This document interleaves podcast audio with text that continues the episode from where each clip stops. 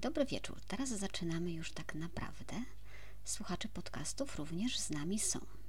Muszę powiedzieć, że y, wyjątkowo sprawdza się stara, odwieczna nawet internetowa zasada, która mówi o tym, że najpopularniejszymi postaciami w internecie, tym, kto zbiera najwięcej lajków i przyciąga najwięcej uwagi, y, są, proszę Państwa, najdoskonalsze stworzenia na świecie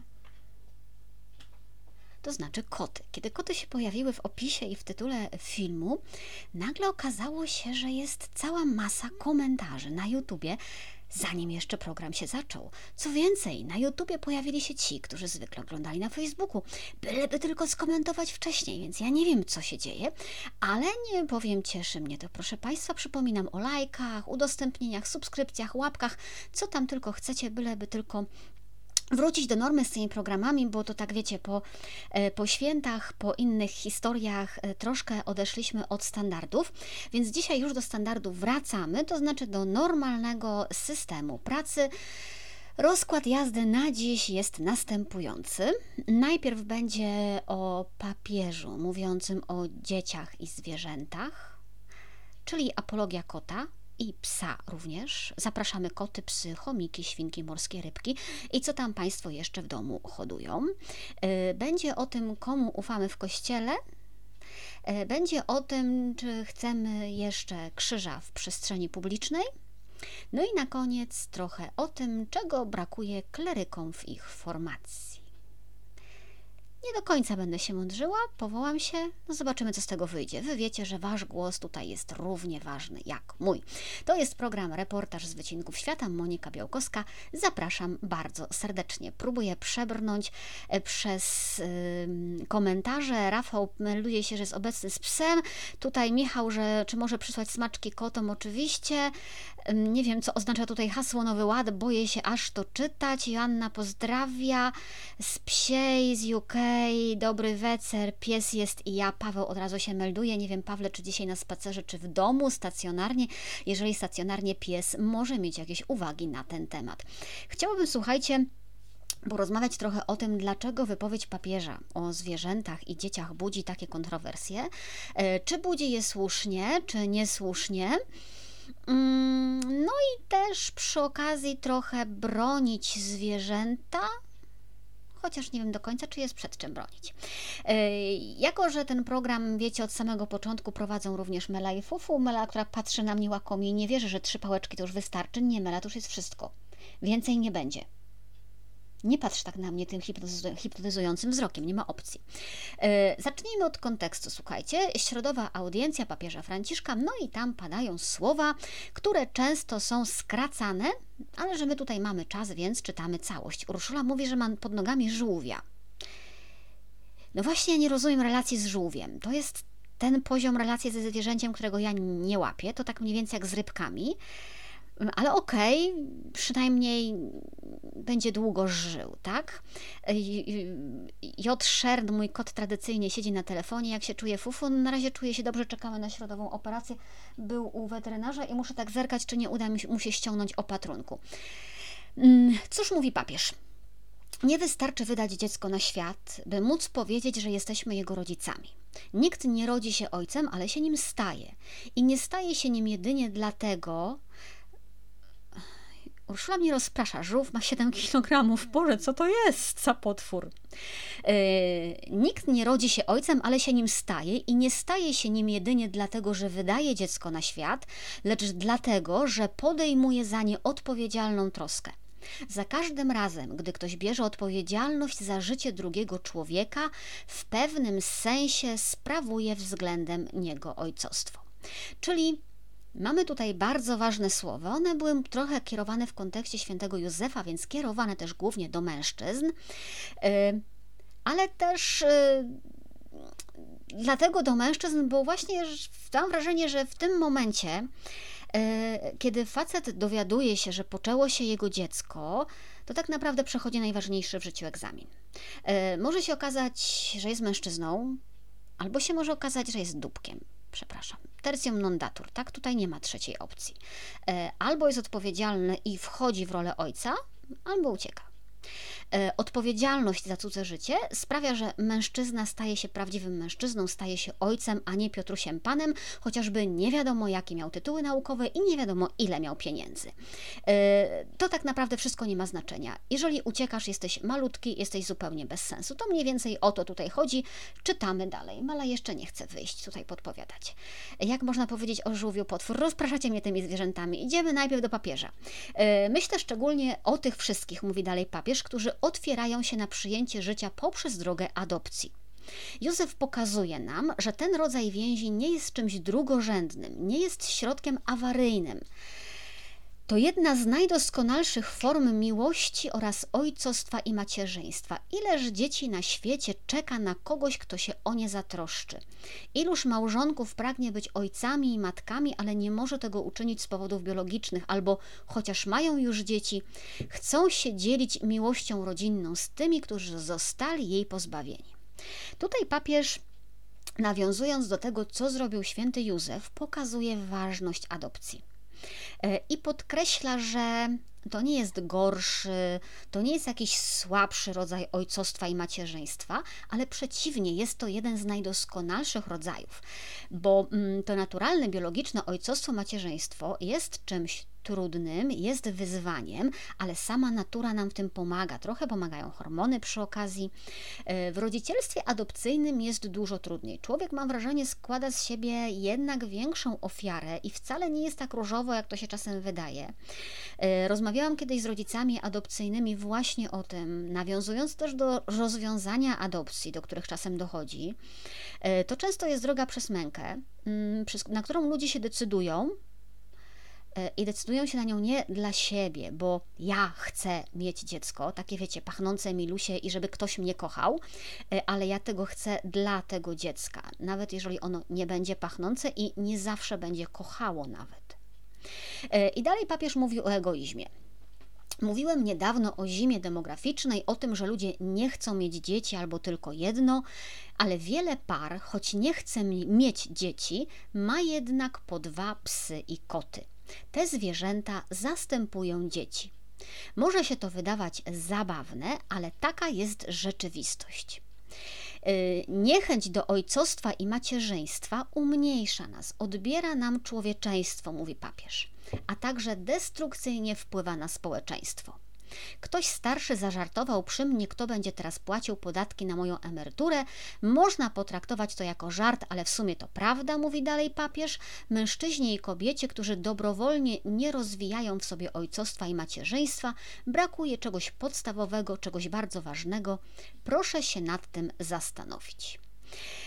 E, na koniec, tak dla sprawiedliwości, zauważmy, że papież modlił się w intencji wszystkich tych małżeństw, które pragną mieć dzieci, ale z różnych powodów jest to utrudnione albo niemożliwe.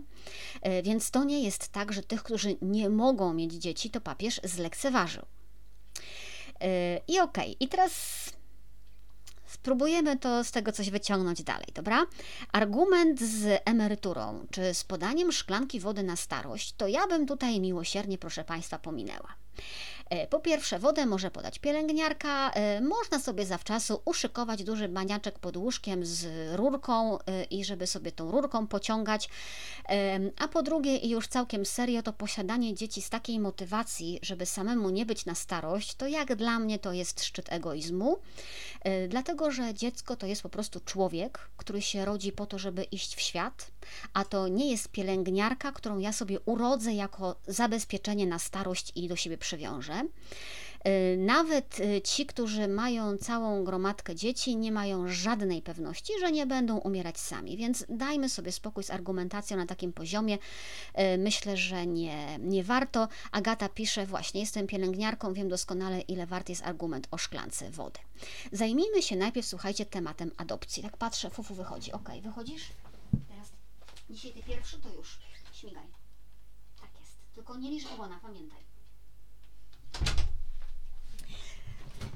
Mm, temat adopcji. Yy, krótko tylko zauważając problem, słuchajcie, dlatego że to jest temat na dwa, trzy albo i więcej programów. Yy, to niestety, to niestety yy, nie jest takie proste, że każda para, która nie może mieć dzieci, może sobie dziecko adoptować. Po pierwsze, yy, czekajcie tylko, bo coś mi się przesunęło tutaj. Mm, po pierwsze, duża część y, dzieci, które żyją w domach dziecka, nie może być adoptowana, bo ich rodzice żyją i mają do nich prawa rodzicielskie. Y, sprawy o pozbawienie tych praw rodzicielskich ciągną się czasem całymi latami. Y, dzieci szybko rosną. Im są starsze, tym trudniej im o tych rodziców adopcyjnych. Im są starsze, tym bardziej są też poranione emocjonalnie, więc ta adaptacja w rodzinie adopcyjnej też będzie coraz y, trudniejsza. Po drugie, jest kwestia wieku i ona też się zaczyna robić powoli problematyczna w, w adopcji. Różnica wieku między dzieckiem a rodzicami adopcyjnymi y, przyjmuje się, że nie powinna być większa niż 40 lat. Y, staż małżeński rodziców, którzy się starają o adopcję,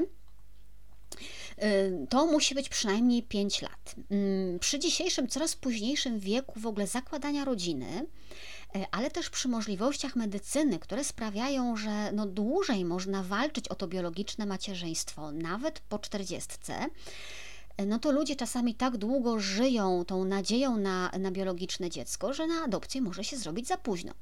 No ewentualnie mogą adoptować dziecko starsze albo dużo starsze. E, po trzecie, rodzice powinni mieć stałe dochody, powinni mieć dobrą opinię z miejsca pracy. Podejrzewam, nie mam pewności. Podejrzewam, że to może wykluczać, słuchajcie, część takich współczesnych pracowników, którzy pracują na zlecenia albo na samozatrudnieniu, chociaż podejrzewam, że to już jest traktowane indywidualnie. E, po czwarte, trudno powiedzieć, co to znaczy dobre warunki materialne. To może być rzecz uznaniowa. E, po piąte, przez proces adopcyjny teoretycznie może przejść osoba samotna, która nie jest w małżeństwie, ale szanse ma mniejsze niż rodzina. E, poza tym decydowanie się na samotne macierzyństwo adopcyjne to jednak jest heroizm. Pomijam już kwestię finansową, tak, że to jest bardzo, bardzo, bardzo, bardzo trudne i nie wiem ile trzeba by na to zarabiać. Oczywiście, słuchajcie, wszystkie te warunki są ustawiane tak, żeby dzieciom adopcyjnym zapewnić maksymalne bezpieczeństwo, żeby im nie stała się krzywda. I bardzo dobrze, że te warunki są. E, ale to nie jest takie hop siup, tak, że o, nie bądźmy egoistami, adoptujmy sobie dziecko. Walka o adopcję jest czasem równie trudna jak walka o biologiczne dziecko. E, I też, podobnie jak walka czy staranie o biologiczne dziecko, też kończy się często e, porażką. Pewnie mm, za mało się mówi o adopcji w przestrzeni publicznej, tylko wiecie, ja nie sądzę, że ludzie, którzy są w małżeństwach i nie mogą mieć dzieci, y, nie rozważają tego pomysłu, bo o nim nie wiedzą. Że powiedzą: Ojej, adopcja to jest coś takiego, szkoda, że nie wiedzieliśmy. No, mówi się o tym mało, ale to jest raczej ta perspektywa, którą wszyscy mają gdzieś z tyłu głowy. Y, I myślę, że to ciutkę y, za łatwo wygląda u papieża, bo to właśnie brzmi tak, nie? Nie możesz mieć dzieci, to adoptuj, inaczej będziesz egoistą. Y, adopcja jest dobra, jest piękna, jest ważna, ale sama chęć tutaj naprawdę nie wystarcza. I podobnie jak biologiczne rodzicielstwo, mm, no, może się też nie udać, tak? Oczywiście Sądzę, że papież o tym wie i że papież to rozumie że mówi tutaj raczej o świadomych decyzjach, a nie o tym, że życie tak się ułożyło, niespecjalnie pozostawiając człowiekowi jakąś decyzję, ale myślę, że trzeba to dopowiedzieć, bo łatwo tutaj jednak o pewne uproszczenia.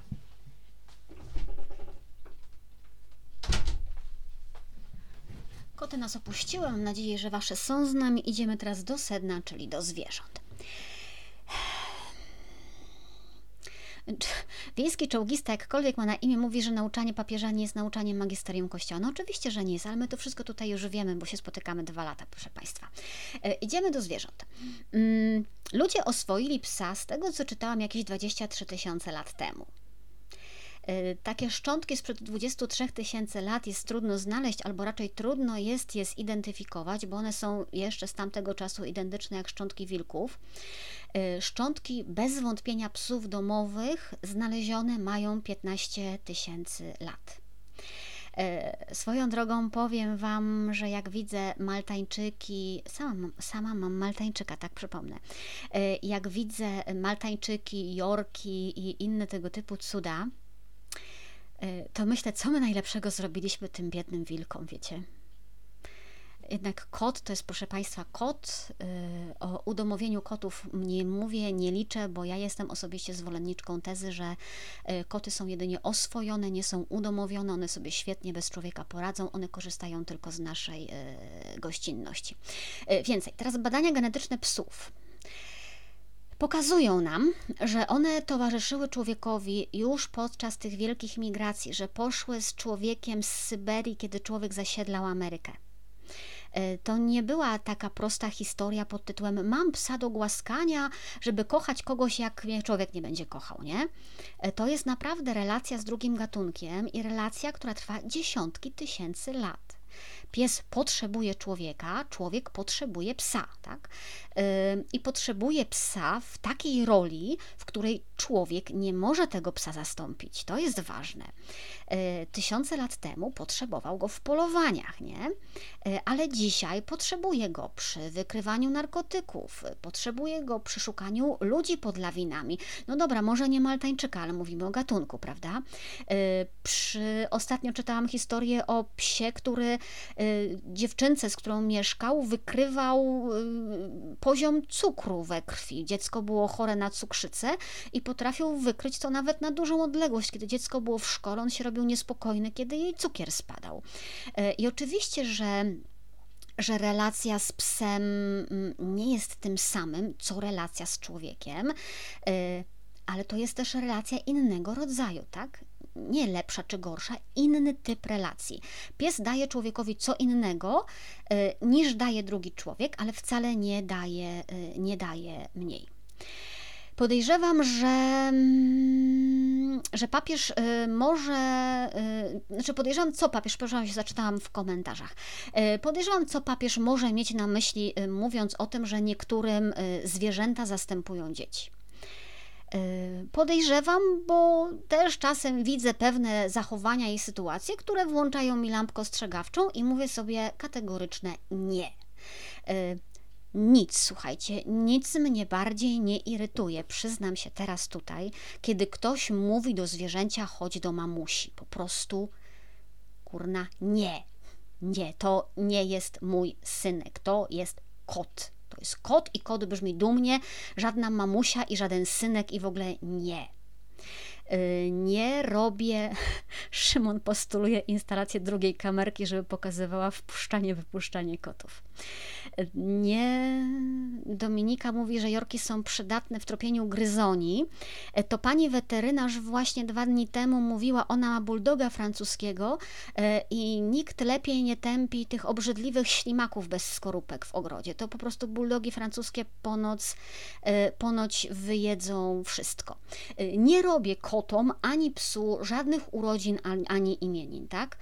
Ja wiem, kiedy Fufu się urodził, ale tylko dlatego, że to było Boże Narodzenie, że przyjechał w Dzień Kobiet, więc to są takie daty charakterystyczne i że to było w roku, kiedy się dom zawalił nam, więc jakby no mam datę w głowie, tak? Ale Melka przewlokła się z podwórka, ja nawet nie wiem kiedy, e, jakoś tak raczej jesienią to było i to tyle, tak? Rok muszę za każdym razem sprawdzić w książeczce zdrowia.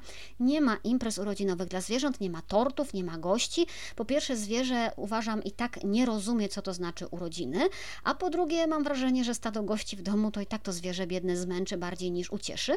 A po trzecie, to jest właśnie jakaś antropomorfizacja, tak? Albo e, kolonizacja wręcz gatunku. Ja nie szanuję zwierzęcia takim, jakim jest, tylko chciałabym go przerobić na swoje, na człowieka. Mm, nie. Mm, nie kupuję też, y, właśnie tutaj Magdalena pisze, zwierzętom różnych dziwnych rzeczy. Mm, znaczy, ja rozumiem, że takie małe coś y, jak y, Arni Maltańczyk, no to jak jest duży mróz, to on musi mieć założony kubraczek, bo nie ma to to sierści, tak? Tylko ma włosy, no i trzęsie się z zimna. Ale widziałam na przykład w necie dzisiaj rano, jeszcze szukałam suknię balową dla psa, nie? Po co? No stoi ten pies na tym zdjęciu, patrzy rzeczywiście takim wzrokiem jak księżniczka, ale jak ktoś zna psa, to on wie, że on po prostu stoi jak wmurowany, bo nie wie, co mu się do tyłka przyczepiło. E, kot, gdyby mu coś takiego założyć, to by już wisiał dawno na firance, tak? E, owszem, przy kostiumie biskupa dla psa to się zawahałam. Czy czegoś takiego by nie kupić chociażby do zdjęcia?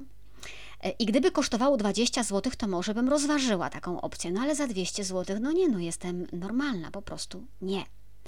E, to są zwierzęta, mają inne potrzeby i być dobrym dla zwierząt to jest identyfikować ich potrzeby i odpowiadać na ich potrzeby, a nie zaspokajać zwierzęciem swoje potrzeby. E, z jakąś krzywdą jeszcze, czy dyskomfortem dla niego. Tadeusz mówi, że ma sąsiadkę, która twierdzi, że kot mówi mamo. Oczywiście w to nie wierzę. Koty wydają taki rodzaj miauczenia. Koty miauczą bodajże na 19 różnych sposobów i one wydają takie krótkie miał miał, wiecie. I ktoś, jak ktoś ma bzika na tym punkcie, to sobie wymówi, że kot do niego mówi, tak? No nie. Jagoda twierdzi, że mówi o kocie czasem kocureczka i obchodzi dzień przybycia. No to obchodzi, ja nie i spoko, jedziemy dalej. Y, przy cmentarzach dla zwierząt, słuchajcie, już nie jestem y, tak jednoznacznie na nie. Dlaczego? Y, rozmawiałam kiedyś ze znajomym, który nie do końca rozumiał całą tę ideę, ale prawo w tej chwili jest takie, że ja nie mogę zakopać kota ani psa w ogródku, tak? Był czas, kiedy to się robiło, jak byłam mała i pamiętam to. E, teraz to po prostu nie przejdzie. To znaczy, w sumie przejdzie, jak u weterynarza się podpisze oświadczenie, że mam jak zutylizować zwierzę, nie? Ale chomika czy królika, chomika, królika, coś takiego tam małego, pochować samemu, to nie jest problem, nie? Ale z psem, który waży 30 kg, no to przepraszam, to już jest prawie tak, jak zakopać człowieka, nie? W ogrodzie i to bez głębokości wymaganej na cmentarzach. Względy sanitarne się kłaniają. E, do tego dochodzi jeszcze e, cała masa ludzi, którzy żyją w blokach. I, I zwyczajnie nie mają nawet najmniejszego kawałka ogrodu. Na balkonie psa się pochować nijak nie da. E, I co teraz? Zostawić u weterynarza do utylizacji? No, można i tak czasem trzeba. Tyle, że to zwierzę było z nami przez 20 lat i, i chyba człowiek potrzebuje jakiegoś takiego znaku na koniec, że nie, że po prostu wychodzę z gabinetu i wracam do pustego domu, Y, nie stawiałabym żadnego nagrobka zwierzęciu. W ogóle nie mam takich ciągotek. Y, nawet nie przychodziłabym na ten cmentarz, bo to jakby uważam, że to jest bez sensu, że to jest niepotrzebne, tak? Y, cmentarz to jest miejsce modlitwy i spotkania z tymi, którzy żyją po drugiej stronie.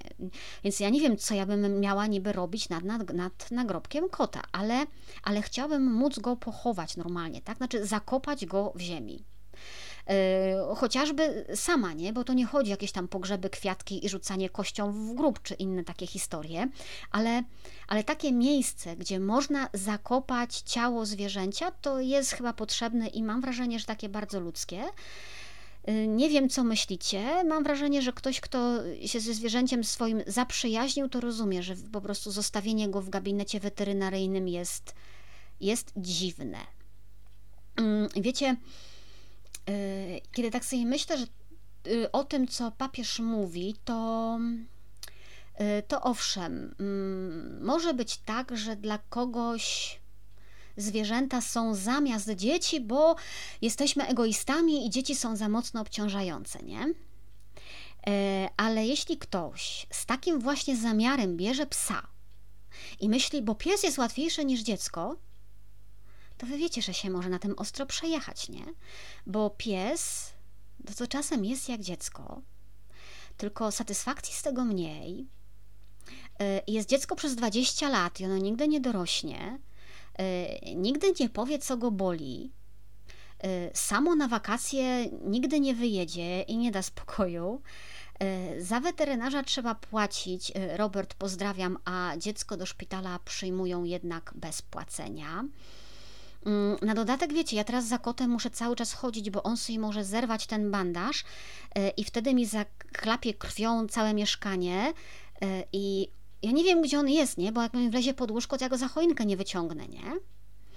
E, myślę, że mm, no właśnie w ogródku zakopanie jest nielegalne.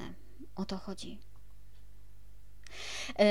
I może być tak, że ktoś bierze do domu zwierzę rzeczywiście z egoizmu. E, tylko, że ja myślę, że częściej to nie jest egoizm, tylko pomijając jakby zwykłą przyjaźń, to, że lubimy mieć zwierzęta, e, to często zwierzę pojawia się wtedy, kiedy ludzie zawiodą. Często zwierzę się pojawia wtedy, kiedy trzeba kogoś ratować psychicznie, że zwierzęta trochę odwracają uwagę, czasem się pozwalają skupić na czymś innym niż tylko własny problem. E, to, to nie jest tak, że ktoś mówi: Wolę kochać zwierzę niż człowieka a przynajmniej nie wierzę, że to jest, że to jest większość. To raczej jest tak, że ludzie kochają zwierzęta, bo wiedzą, że jest lepiej kochać niż żyć zupełnie w pustce, tak? A jak nie ma człowieka, to chociaż zwierzę. Ja przepraszam, że tak po nazwisku przytoczę, no ale publicznie sam o tym mówi. Zobaczcie, jak wygląda relacja ojca Grzegorza Kramera z fazą. No, fazę to już mam wrażenie pół Polski zna. I wiem, że wielu powie, że to niepoważne i że w ogóle jak tak można, mm, ale mam wrażenie, że. Yy, że doświadczenie zwierzętami mądrzejsi zdolniejsi do refleksji różnie. Nie, nie chcę kategoryzować ludzi, że, że wielu zobaczy, że w takiej relacji człowiek się też może uczyć od psa, nie? Y, I ile dzięki y, psu zyskuje, y, ile dzięki psu się uwrażliwia. I to nie ma nic wspólnego z egoizmem. Mam wrażenie, że to jest przeciwieństwo egoizmu. Niby to jest śmieszne, nie? Jak te memy powstają pod tytułem Nie mogę wstać, bo kot na mnie leży. E, tylko ten, co ma kota, to wie, że w kocie, który na człowieku się układa, jest, słuchajcie, taka ufność i takie totalne poczucie bezpieczeństwa, e, że trudno, no to sika nie wytrzyma. Naprawdę nie godzi się zrobić kotu takiego świństwa i wstać. E, ja Wam chyba kiedyś mówiłam, jak mnie kot nauczył, jak się ufa Panu Bogu. Mm, bo kot tak ufa i tak przychodzi i tak bierze to, co się jemu należy, że w ogóle nie bierze pod uwagę odmowy, tak? On przychodzi, przytula się, mówi: Jestem, kochaj, przecież nie mogłeś się na mnie doczekać, prawda? E, I jeśli ja nie mam sumienia, żeby zrzucić takiego kota z kolan albo z biurka, chociaż mi leży na ręku i nie mogę myszką ruszać, e, to mi się zapala w głowie lampka, że jak ja będę e, tak jak ten kot, tak samo ufać, no to Pan Bóg tym bardziej nie będzie mógł mnie odrzucić. Ktoś pyta o to, czy zwierzęta mają duszę i czy zmartwychwstaną. No, w teologii nie uczymy o tym, że koty mają duszę, y, nie uczymy o zmartwychwstaniu psów. Mm, z drugiej strony wiemy, że przy końcu świata ma być odnowione całe stworzenie, więc po prostu poczekajmy. No może nie wszystkie odpowiedzi, y, nie wszystkie odpowiedzi musimy mieć. I czasem mam takie poczucie, słuchajcie, że zwierzęta robią nam, ludziom, taką y, zwierzopsychoterapię. Y, I, I wiem, i tego akurat jestem pewna, słuchajcie, że y, nikt nie wie o mnie tyle co fufu. I jasne, że on nic z tego nie rozumie, nie? Ja nie mam złudzeń tutaj, to jest kot. Y, ale wiem, że on był ze mną wtedy, kiedy były wszystkie moje najgorsze dni i, y, i widział więcej moich łez niż jakikolwiek człowiek. I kiedy ludzie zawodzili, kiedy się okazywali mali i, i kiedy ludzie nie chcieli kochać, to, to kurka ten kot zawsze był, nie? I ja wiem, że on nie miał innego wyjścia. Ja też tutaj nie przesadzam, tak? On mnie nie wybrał. On nie ma innego wyjścia, wyjścia, nigdzie sobie nie pójdzie, drzwi są zamknięte, spoko, rozumiem proporcje, e, ale też wiem, słuchajcie, że jak idę spać i jest mi bardzo źle i go zawołam, to ta łajza do mnie przyjdzie. I on się położy na poduszce i tą łapę tak jeszcze położy, tutaj, nie na poduszce, tylko obok poduszki się kładzie i tak wyciągnie te łapy, żeby gdzieś dotykać jeszcze mojej twarzy, żeby mnie czuć. A jak go wołam tak sobie, nie, jak jest wszystko ok, to on śpi gdzieś w kącie i w ogóle generalnie ma mnie, ma mnie w nosie. Mm, to nie jest tak, że zaspokajamy jakieś swoje potrzeby zwierzęciem. Y, tym bardziej nie instynkty macierzyńskie, w ogóle nie mam takiego przełożenia. To jest zwierzę, ale, ale mam takie poczucie, że, że jeśli rozumiem potrzeby zwierzęcia, że jeżeli na nie odpowiadam, to wcale to nie jest egoizm, że to właśnie jest wyjście z egoizmu. Y, I to wie każdy, Y, kto leżał godzinę pod śpiącym kotem, y, albo komu ręka cierpła od drapania czy głaskania, albo kto całą noc czuwał przy chorym psie, albo spędzał długie godziny w poczekalni u weterynarza. Um, oczywiście w idealnym świecie ludzie byliby nawzajem dla siebie tak dobrzy, że u nikogo pies ani kot nie musiałyby chłonąć w futro niczyich łez, ale świat nie jest idealny, a zwierzęta weszły i w tę rolę, nie? Mm, poza tym myślę, że można żyć jeszcze gorzej i jeszcze bardziej egoistycznie niż przytulając się do psa. Y, można żyć tylko dla siebie, bez żony, bez dzieci, bez zwierząt, można żyć zabawą, można żyć pracą, którą się nazwie miłością, e, i wtedy dopiero człowiek jest sam, i wtedy tak naprawdę jest egoistą i nie ma pojęcia, e, no, że przegrywa, tak? E, bo w gruncie rzeczy papież ma rację, że egoizm to jest życie tylko dla siebie i że to nas odczłowiecza. E, pan Robert mówi, że jestem doktorem teologii fundamentalnej. No jestem, ale to chyba nie znaczy, że muszę znać odpowiedzi na wszystkie pytania, bo, bo z tym zbawieniem zwierząt to nikt nie wie, słuchajcie, jak to będzie.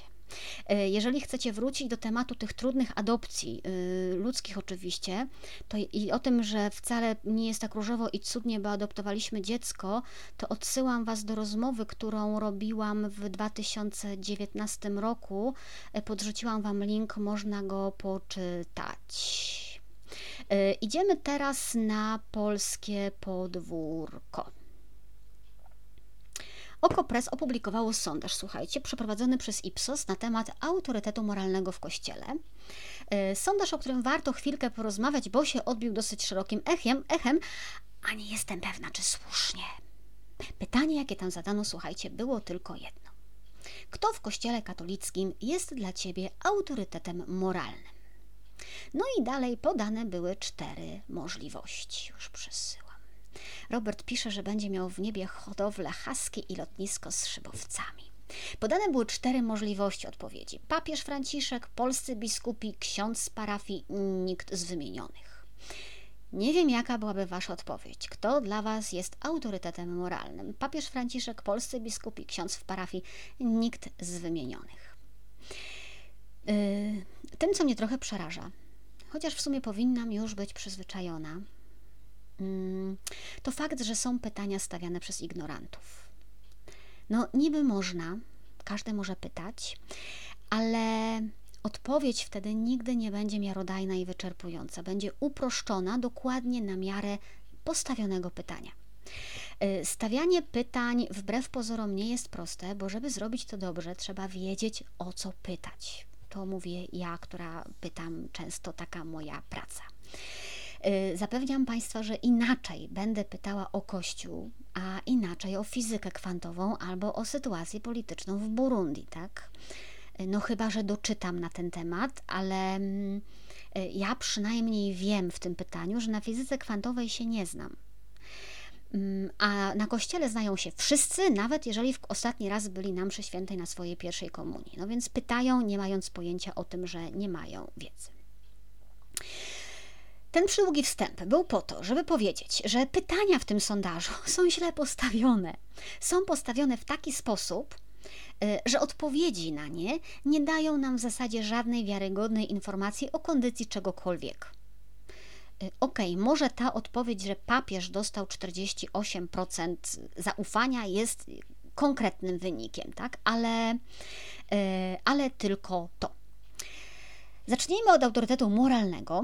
Tych definicji autorytetu jest sporo, podziałów na typy y, autorytetów jest jeszcze więcej. Y, trudno powiedzieć, co to oznacza w tym konkretnym sondażu i w głowach tych, którzy odpowiadali. Czy to jest ktoś, kogo szanujemy, czy kogo zwierzchnictwo uznajemy, czy ktoś, komu ufamy, czy ktoś, kto ma prawo nas uczyć, czy ktoś, kto wyznacza nowe drogi z jakimś mistrzem, czy kto nas pociąga własnym przykładem.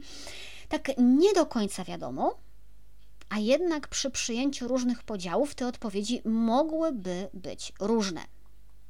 E, po drugie, tu jest za mało możliwych odpowiedzi e, i one są spłaszczone. Nie wiem, w jaki sposób biskupi, którzy są dużą i bardzo zróżnicowaną grupą, mogą być autorytetem moralnym jako całość.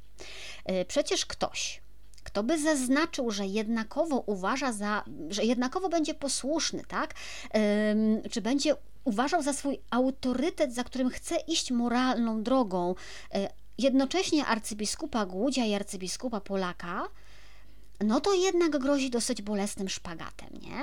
E, ktoś inny mógłby uznać, że skoro ufa jednemu tylko biskupowi, no to zaznacza, że biskupi.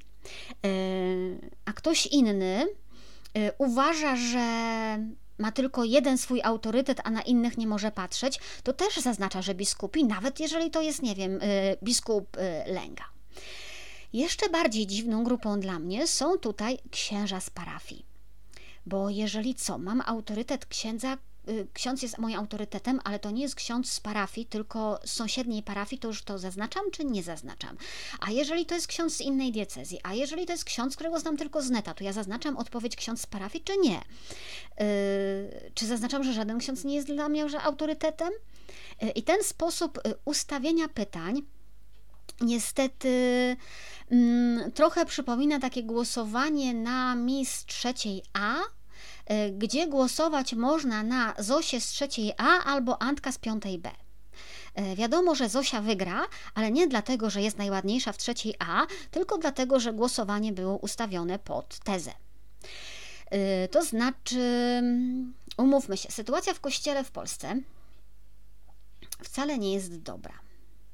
Gdyby była dobra, to biskupi, jakkolwiek by ich tu liczyć, jakkolwiek interpretować, jakkolwiek rozumieć autorytet, mieliby nawet w takim pokrzywionym sondażu, no jednak więcej niż 2% poparcia. E, księża mieliby pewnie więcej niż 14%, a przede wszystkim 36% badanych nie odpowiadałoby, że nikt w kościele nie jest dla nich autorytetem bo na razie wychodzi nam na to, że tylko 16% uważa za autorytet kogokolwiek w kościele poza papieżem Franciszkiem. 16%. No więc y, różowo to, proszę Państwa, tutaj y, nie jest. E, ale za mocno bym się do tych liczb jako do liczb wprawdzie nie przywiązywała, bo to zdecydowanie nie wygląda jak wyniki poważnego badania. E, raczej na sondaż taki zamówiony po to, żeby mieć newsa jakiegoś na stronie, tak się czasem robi. Chociaż gdyby się udało zrobić poważnie i takie bardziej wnikliwe badania zaufania w samym kościele, to wynikami e, takiego badania też byłabym mocno, mocno zainteresowana. Mm, na razie biskupi pracują na swój autorytet, zwłaszcza niektórzy, opowiadając w uroczystość objawienia y, pańskiego o ideologii gender, y, o kulturowym ataku na małżeństwo i rodzinę. Swoją drogą przyznam Państwu, że mam ochotę jakąś prywatną nagrodę ufundować temu, kto mi udowodni, jak to jest, że osoba homoseksualna, mówiąca o swojej orientacji seksualnej, wpływa na zniszczenie rodzin. Bo owszem, homoseksualny mężczyzna nie ożeni się w kościele z kobietą i nie będzie miał z nią dzieci. Owszem, lata temu, e, kiedy o homoseksualizmie nie mówiło się głośno, takie rzeczy się zdarzały. Homoseksualni mężczyźni żenili się. Zdarzało się też, że mieli jakieś dziecko. E, wieczorami albo w weekendy chodzili się spotykać gdzieś z jakimiś mężczyznami czy z mężczyzną, zdradzali swoje żony, oszukiwali je. Może też niektórzy zarażali jakimiś chorobami. Oni byli nieszczęśliwi, one były nieszczęśliwe i okłamywane. Dzieci też były nieszczęśliwe, no bo przecież dziecko czuje, że coś w rodzinie nie gra, e, ostatecznie te małżeństwa pewnie się rozpadały, no bo ile można w życiu udawać? No to takie rodziny rzeczywiście się rozpadają i są zniszczone przez LGBT. Tylko naprawdę o takie rodziny nam chodzi, o takie rodziny chodzi arcybiskupowi. E, no bo takim rodzinom rzeczywiście otwarte mówienie o homoseksualizmie zagraża. One nie powstaną. Takich rodzin nie będzie. Ale naprawdę mamy po nich płakać? Y, jeśli mężczyzna jest heteroseksualny, jeżeli kobieta jest heteroseksualna, to naprawdę przyjaźń z gejem y, nie sprawi, że heteroseksualny mężczyzna przestanie kochać swoją kobietę. Y, homoseksualizm to, z tego co wiem, to nie jest wirus, który się łapie z powietrza, to nie jest choroba, więc no, nie rozumiem, jak zagraża, no, że, że dzieci, że młodzież wcześniej odkryją swoją orientację. No okej, okay, nie? Ale oni i tak to kiedyś tam odkryją. Yy, że co, że lepiej, żeby później to odkryli? Już po ślubie, tak? Bo przed ślubem do łóżka nie idziemy, więc się może nie zorientują, o takie rodziny nam chodzi, gdzie e, tatuś po ślubie z dwójką dzieci odkrywa, że jednak kocha kolegę z pracy, nie mamusie? Przecież to jest dramat, a nie, a nie jakiś wzór, tak? Ja przepraszam, bo to może w wielu uszach brzmiać, jak ja bym tutaj try, trywializowała jakiś problem. Nie. Wiem, że odkrycie własnego homoseksualizmu to nie jest bomba, która spada na człowieka nagle w 35 roku życia. Ja wiem, że to jest tożsamość, która po prostu jest.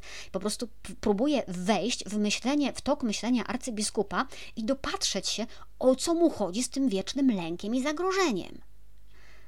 Ale nawet jak to próbuje sprowadzić do takiego właśnie absurdu, no to nijak mi to nie gra ale okej, okay, ktoś mi wyjaśni, to tak jak obiecałam, chyba będzie nagroda. No chyba, że tłumaczący będzie wyjątkowo niegrzeczny i będzie mnie obrażał, no to nie będzie nagrody, bo to mój program i mogę nagrody nie, i mogę y, nagrody nie przystać. No właśnie, Małgorzata pisze, chodzi o to, żeby nikt nie odkrywał, po co odkrywać. No w końcu i tak wyjdzie, nie? I będą większe dramaty. Y, jeszcze arcybiskup Pietraszewski mówi o tym, że za y, niechodzeniem młodych do kościoła stoi nauczanie zdalne i smartfony tym razem. Y, to znów jest jakiś przedziwny konstrukt myślowy, który taki, wiecie, E, niestety typowo kościelne, dopisywanie nam, dopisywanie teorii dobrze, dobrze brzmiącej do faktu, który zauważamy.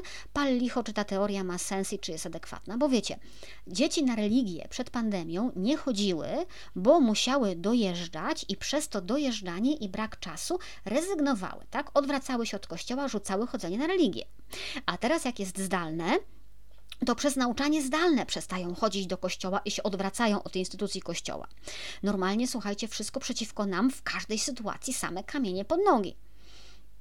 I absolutnie y, nie mają z tym nic wspólnego, żadne zaniedbania księży, y, tuszowanie nadużyć seksualnych i tak sobie to będziemy powtarzać jak mantrę, uparcie, wytrwale, y, zaklinając rzeczywistość, aż zostajemy sami w pustym kościele, nadal z poczuciem, że nas skrzywdzono. Po prostu ekstra. Joanna mówi, że y, dziw, że smogu jeszcze nie obwinia. Małgorzata konstrukt tak dziwaczny, tak myślowy nie. Y, jakie są efekty tego, proszę Państwa? Mm, ano takie, że CEBOS y, opublikowało dziś wyniki badań, które się nazywają postawy wobec obecności religii i kościoła w przestrzeni publicznej. I to już nie jest taki y, prosty, uproszczony czy prostacki wręcz sondaż, ale poważne badanie. Mirosława Grabowska, autorka tych badań, zauważa, że choć sceptycyzm wobec religii mm, i dystans wobec Kościoła były od zawsze, to w Polsce wybuchły one, słuchajcie, po katastrofie smoleńskiej. I że to właśnie ona, tutaj profesor Grabowska widzi ten moment, że ta katastrofa smoleńska była tym momentem, kiedy powiedzieliśmy dość e, pewnemu typowi mm, religijności manifestowanej w przestrzeni publicznej. E, Michał bodajże mówi, o kim będziemy mówili, jak arcybiskup Jędraszewski przejdzie na emeryturę. Ja się obawiam, że nam nie zabraknie tematów. Mm, profesor Grabowska zauważa też, że od tego momentu, od katastrofy smoleńskiej, mm, antyklerykalizm, jakiś rodzaj buntu przeciwko, przeciwko Kościołowi, nawet wyrażanego czasem wulgarnie, e, przestał funkcjonować wyłącznie w podziemiu. Mm, stał się takim akceptowalnym wręcz dyskursem publicznym, e, nie mówiąc o tym, e, że gdzie niegdzie stał się wręcz modny. Próba tego badania e, liczyła 1157 osób. Było ono prowadzone w, pod koniec października 2021 roku i okazało się, słuchajcie, że zdecydowanej większości badanych nie rażą e, krzyże w budynkach publicznych. Tutaj 90% osób mówi, że e, nie w ogóle. Paweł pisze, że jedynym rozwiązaniem, żeby młodzież wróciła do kościoła jest powrót do mszy soborowej. Oczywiście, po prostu oni tylko tam czekają. Słuchajcie, idźcie na czarny marsz, powiedzcie, że mają przyjść na mszę przed soborową, to już przybiegną tłumem, powiedzą, tak, tego szukaliśmy. 70% y, badanych Mm, nie ma nic przeciwko tak, religijnemu charakterowi przysięgi wojskowej, przeciwko lekcjom religii w szkołach, przeciwko święceniu przez księży budynków użyteczności publicznej, czy przeciwko obecności księży czy biskupów na uroczystościach państwowych. 70%. 30% e, jest temu przeciwnych. To nie jest yy, mało, ale to też nie jest dramat. y, religię w szkołach łatwiej akceptuje się na wsiach, około 90% mówią, że ok. Dużo trudniej w miastach, tutaj już tylko 50% mówi, że jest ok. Podobne proporcje będą przy święceniu tych budynków. Też na wsiach ludzie powiedzą super, że ksiądz przyszedł poświęcił, a na mszy się będą zastanawiać, czy rzeczywiście y, magazyn i basen powinniśmy święcić. Najwięcej, słuchajcie, bo aż 81% badanych rażą księża, którzy mówią ludziom, jak głosować w wyborach. Tego najwięcej. Poza tym 62% osób mówi, że razi ich zajmowanie stanowiska przez Kościół wobec ustaw sejmowych. I ksiądz y, mówiący z ambony, jak głosować, razi w zasadzie większość wszystkich i wyborców PiSu, e, i większość praktykujących regularnie, i większość tych, którzy mają podstawowe wykształcenie, a więc jakby tych, którzy raczej stoją murem za kościołem. Oczywiście ktoś powie i słusznie, że Kościół to nie są wybory mis. Coś mi tam mis dzisiaj w głowie siedzi, e, żeby wybierać to, co nam się bardziej w nim podoba. I owszem, nie można przegłosować tego, żeby Kościół przestał głosić Ewangelię, tak? bo on po to istnieje. E, I nawet gdyby większość raziło to, że e, Kościół głosi Ewangelię, to Kościół nadal będzie to robił. Ale wskazywanie kandydatów na listach wyborczych, z tego co wiem, to zdecydowanie nie jest to, do czego Jezus powołał swój Kościół. Jeśli teraz mm, porównać to z badaniami sprzed lat, to wyraźnie zmniejsza się aprobata dla występowania księży w telewizji publicznej, dla ich udziału w tych uroczystościach państwowych, dla lekcji religii w szkole i dla zajmowania stanowiska w sprawie ustaw sejmowych. Przy czym, jak zauważa profesor Grabowska, od 99, od 95 roku to nastawienie społeczeństwa wobec obecności Kościoła w życiu publicznym, ono było dość stabilne. Tam były malutkie wahnięcia, ale to w zasadzie się nie zmieniało. Od 95 roku nic.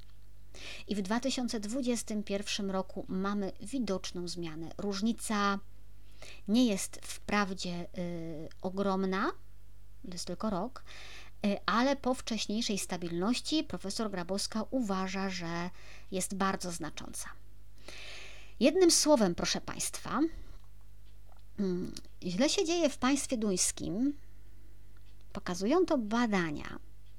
E, I może teraz nie będę już uważana za pesymistę i czarnowidza, ale za kogoś, kto ma realny ogląd rzeczywistości i dużą intuicję trendów. E, i że to nie jest moja zła wola, tylko patrzenie. Co z tym, proszę Państwa, zrobić? Kolejne spory o komunię na rękę, które wybuchają wciąż. Dwa lata po tym, jak mamy pandemię, 18 lat po tym, jak mamy instrukcję redemptionis sacramentum, 16 y, wieków po Cyrylu Jerozolimskim, kiedy w Kościele naprawdę zmagamy się z potężnym kryzysem, to wracanie do tego, czy komunia na rękę jest profanacją, zaczyna urągać naszej inteligencji. Po prostu mówię nie. Jak czytam kolejne spory na ten temat, to mnie po prostu odrzuca. Jakby ktoś się zaparł w swojej bańce, a jak on się zaprze, że nie będzie rozumiał, to tłuczenie tego po raz setny jest tylko marnowaniem energii. Niech sobie sądzi, że pójdziemy wszyscy do piekła. Trudno. Kiedyś się zdziwi. E, kolejne spory, słuchajcie, o covidianizm, o e, ideologię szczepionkową, o tak zwane szmaty na twarzy, też obraża już naszą inteligencję. Też uważam, że już wystarczy. Nie możemy się tym wiecznie zajmować, bo się po prostu tylko ośmieszamy. To jest tak nieracjonalne, to jest tak nieewangeliczne, że po prostu nie ma o czym rozmawiać. Tu nie ma nawet wspólnego mianownika, żeby taką rozmowę zacząć. Będę nosiła maskę i nic tobie do mojego niedotlenienia. A ty swojej nie noś, nie szczep się, umieraj. Twoja sprawa. Yy, czytałam, że gdzieś we Włoszech, słuchajcie, księdzu, który zaczął opowiadać o tym, że szczepionki są złe, ludzie po prostu wyszli z kościoła i już. I dobrze zrobili. Jeśli usłyszeli, że są w miejscu, gdzie się uprawia jakąś paramedycynę, to się z tego miejsca ewakuowali i tyle. Jak będzie o Ewangelii, to wrócą. I nie wiem, może właśnie od księży trzeba zacząć, nie? Ja już nie chcę się na ten temat mądrzyć. Nie wiem, czy czytaliście, ale wpadł mi w ręce całkiem fajny tekst y, Marty Łysek. On był opublikowany na Deonie. Y, pani Marta wypisuje pięć postulatów dotyczących formacji księży. O niektórych czasem mówiliśmy, bo one jakby tak się po, pokrywają. Y, niektóre są bardzo, bardzo ciekawe. Agata, Agata jest pielęgniarką, no właśnie. Czytajcie, co pani Agata pisze. Pani Agata ma rację, już po prostu nie mam siły się bić. E, niektóre z tych test są e, bardzo ciekawe z tych postulatów. Pierwsze, o tym mówiliśmy, mm, żeby nie przyjmować do seminarium chłopców, tylko poczekać, aż trochę dorosną. I to chyba e, jest w dzisiejszym świecie ważne. Maturzyści to nie są dojrzali ludzie. Kiedyś byli. Dziś nawet w świeckim świecie no, nie są. Wychodzą z domu, nie spróbują samodzielnego życia, a już spod klosza mamusi trafiają pod klosz seminarium. I owszem, o Boże, przepraszam, muszę, poczytajcie, co Urszula pisze.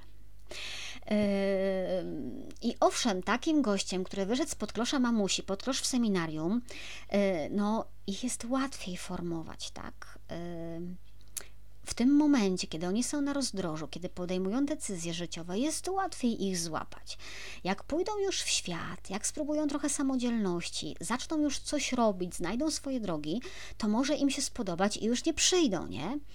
Ale, hmm, no, no, hello, proszę Państwa, tak naprawdę y, chcemy mieć księży, których mamy tylko dlatego, że y, chłopiec y, ze wsi gdzieś w górach wyrwał się i teraz robi karierę w kościele, ale gdyby dać mu rok albo dwa lata, to już by się po drodze inaczej w życiu urządził y, to mi tak pachnie, wiecie, prawem pierwszej nocy, nie? Nie wiedziałeś, co robisz, ale pale licho, jak już tu wszedłeś, to jesteś nasz i cię, i cię nie puścimy.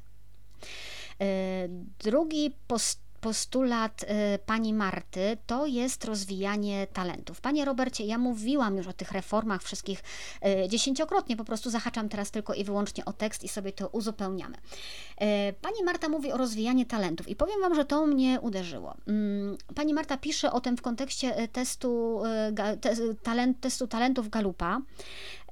Mam wrażenie, że to jest już wyższa półka, żeby na przykład w przyszłej pracy duszpasterskiej uwzględniać takie naturalne umiejętności, naturalne zdolności, a niekoniecznie traktować księdza, zwłaszcza młodego wikariusza, y, no jak, trochę jak sztukę, nie? Łeb za łeb idzie, niezależnie od tego, gdzie się spełnia, gdzie czuje satysfakcję, y, gdzie po prostu się czuje i co potrafi. Ale pomyślałam sobie, ilu znacie księży pasjonatów, słuchajcie. Robert już tu się meldował na dole w komentarzach, nie? Że, że lata szybowcami. Yy, Anna pisze, że tak jak kiedyś z dziennikarstwem, no mnie uczono całe życie, od podstawówki słyszałam, że jak ktoś chce być dobrym dziennikarzem, to ma skończyć cokolwiek, tylko nie dziennikarstwo. Robert lata szybowcem. Paru księży biega, chociaż to bieganie to tak zwykle pojawiło się po latach. Ktoś będzie oglądał mecze i twierdził, że to jest jego pasja. E, ale zobaczcie, jak mało e, jest księży, którzy naprawdę czymś od lat się pasjonują i to w taki sposób, że mogą to wprzęgać do swojej roboty. Nie wiem, że ktoś czyta wszystko o pierwszych piastach, ktoś jest fanem poezji, e, ktoś zna się na malarstwie XIX wieku, ktoś konstruuje modele, a ktoś inny po prostu chłonie wszystko o architekturze modernizmu, nie? Mm, znaczy oni są. E, ale takie ma, mam takie wrażenie tylko, że to nie jest kierunek, który się świadomie w seminariach rozwija i wspiera. Rozumiecie o co chodzi? Nie? Jak ktoś jest silny, to przetrwa, ale, ale to chyba nie jest ten kierunek, który się im pokazuje, że, że nikt nie dopinguje tych, tych młodych chłopaków, żeby mieli coś swojego poza tą średnią statystyczną. E, I potem no i właśnie, i potem się kończy tak, że po raz trzeci nawiążę dzisiaj do wyborów Miss. Potem się kończy tak, jak na wyborach Miss Świata, że staje taki ksiądz i mówi, interesuje się sportem, podróżami, żeby był pokój na świecie, nie? E, trzeci i czwarty postulat e, pani Marty to jest dobre przygotowanie do celibatu i y, cieszcie się, kiedy kleryk się zakocha. Y, na przygotowaniu do celibatu się nie znam, nie wiem, czy się w ogóle da do tego przygotować. Tutaj księża y, pewnie będą lepiej wiedzieli, ja nie sądzę.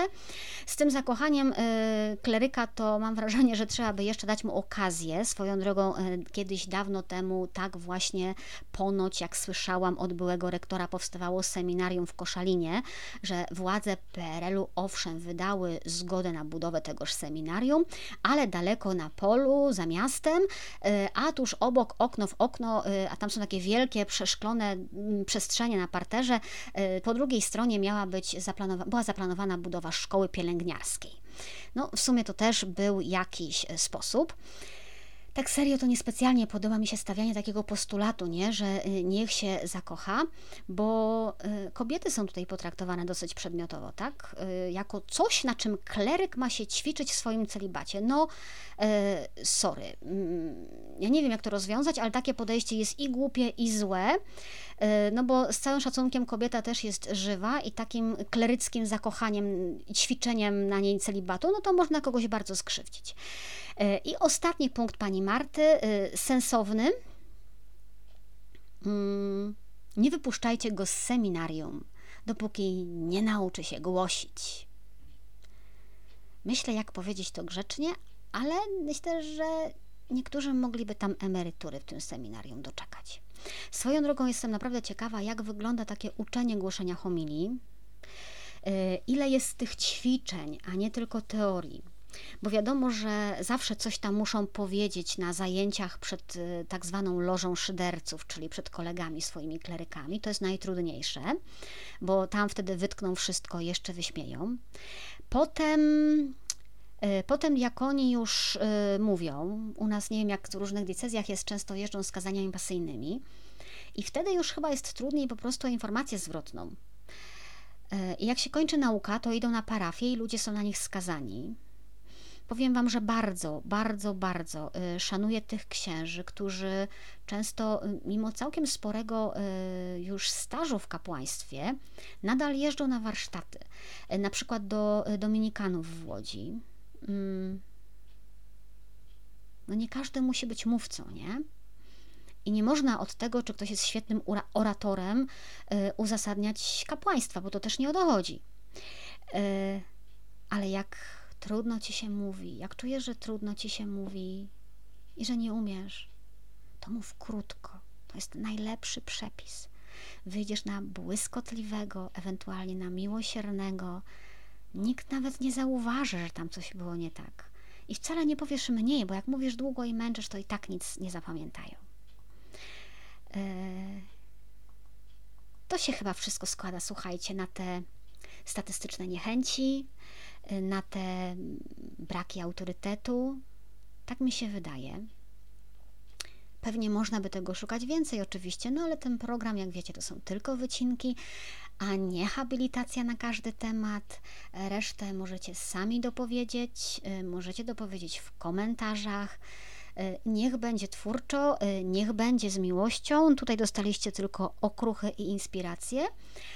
No i wiemy, że chodzi nam tak naprawdę o jedno wszystkim, nie? O to, żeby Ewangelia wciąż zachwycała i żeby jej nie zakopać pod naszą, e, pod naszą marnością. E, króciutko słuchajcie, bo wiem, że się pojawiały pytania od ludzi, tak Patronite wciąż działa, e, tam się wprawdzie trzeba zarejestrować, żeby patronem zostać, ale ten proces rejestracji jest krótki, szybki, sprawny. W ten sposób dołączacie do elitarnego grona tych, którzy sprawiają, że program w ogóle się pojawia, że mogę to, że mogę to robić, więc y, progi wsparcia tam są od bardzo, od bardzo niskich. Miesięcznie z konta Wam samo y, pobierać. Zapraszam wtedy wszystkich do grupy dla patronów. Tam się dzieje troszkę więcej. Obiecuję, że będzie się działo. Jeszcze więcej, jako że książkę oddałam. Mm, Joanna mówi, że wykładowca od retoryki mówi, że dobra homilia to krótka homilia. Jak homilia trwa więcej niż 20 minut, to już dajmy sobie spokój. Więc zapraszam, słuchajcie, i do Patronite'a, i do kanału na YouTubie, i na Instagram, i na przewodnikowy, na facebookowy profil Reportaż z Wycinków Świata.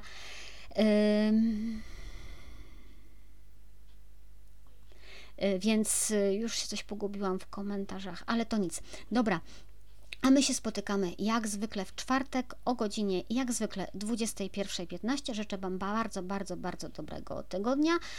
Myślcie o nas dobrze. Fufu ma w środę operację. Jak przyjdzie, mam nadzieję, w środę albo w czwartek, to już będzie miał krótki ogonek, albo nie będzie go miał w ogóle, ale razem z ogonkiem pozbędzie się nowotwora. No więc uznajemy, że jest to dobra wiadomość. Ciekawy jeszcze, jaki będzie rachunek. Trzymajcie się dobrze, widzimy się w czwartek o 21.15. To był program Reportaż z Wycinków Świata. Monika Białkowska.